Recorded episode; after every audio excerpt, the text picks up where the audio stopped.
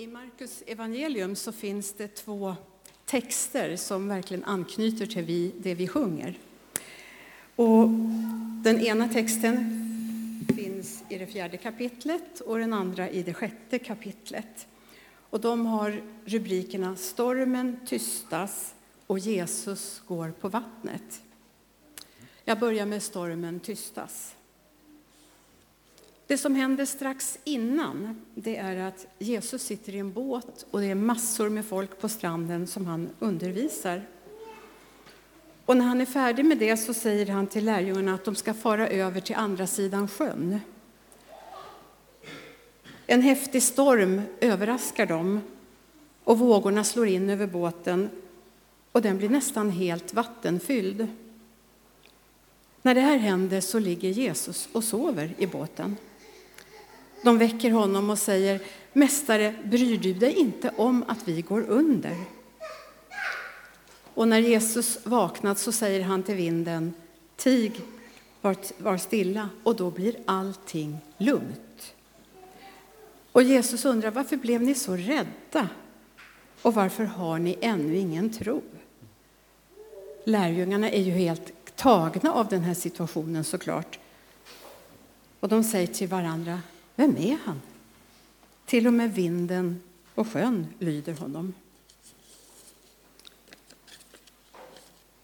I den andra texten, Jesus går på vattnet, så handlar det om också om en båtfärd över sjön med lärjungarna. Och det här är precis efter att de har varit med om det här stora undret när bröd och fiskar räckte till massvis med folk, tusentals. Och det blev till och med mat över. Och Jesus han är kvar på land för att be. Och lärjungarna de sliter vid årorna och kämpar med motvind. Och det ser Jesus och strax innan det blir ljust kommer han gående på vattnet, men han går förbi dem. Och lärjungarna de tror att det är en vålnad och de blir helt förskräckta.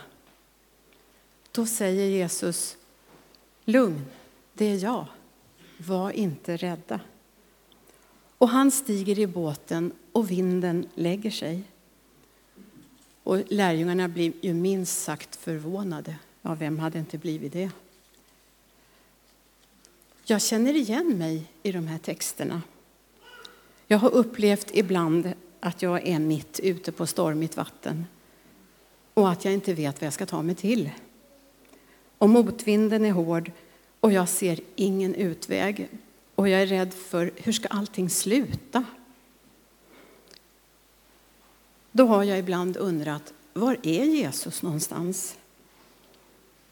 Ser han mig överhuvudtaget? Och kanske har jag tänkt någon enstaka gång, som det lärjungarna fick vara med om, jag tänker, ligger han och sover? Jag sympatiserar verkligen med lärjungarna när de säger, bryr du dig inte om att vi går under? Men när det var som mörkast för mig, när det varit så, då har Jesus kommit. Strax före gryningen.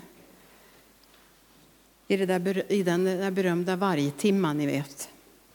Och sagt, lugn, det är jag, var inte rädd. Så varmt och personligt. Hur har han visat sig för mig då?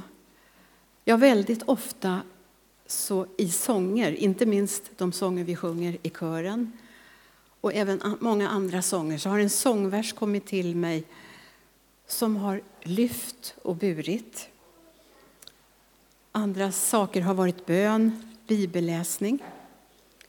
Och där har jag ibland klamrat mig fast vid en vers ur Saltaren där det står du omger mig på alla sidor, jag är helt i din hand.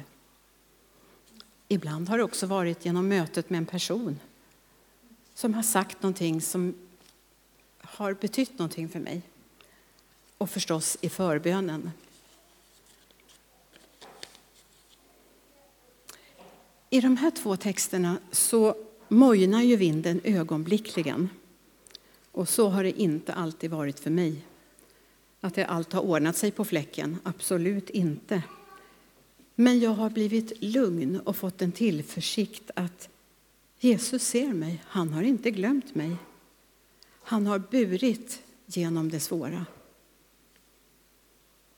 Du kanske också känner igen dig i den här motvinden, storm och höga vågor och undrar hur ska det gå, hur ska det sluta? Men då har Jesus samma hälsning till dig som han hade till lärjungarna. Lugn, det är jag. Var inte rädd. Nu ska Filippa sjunga en sång.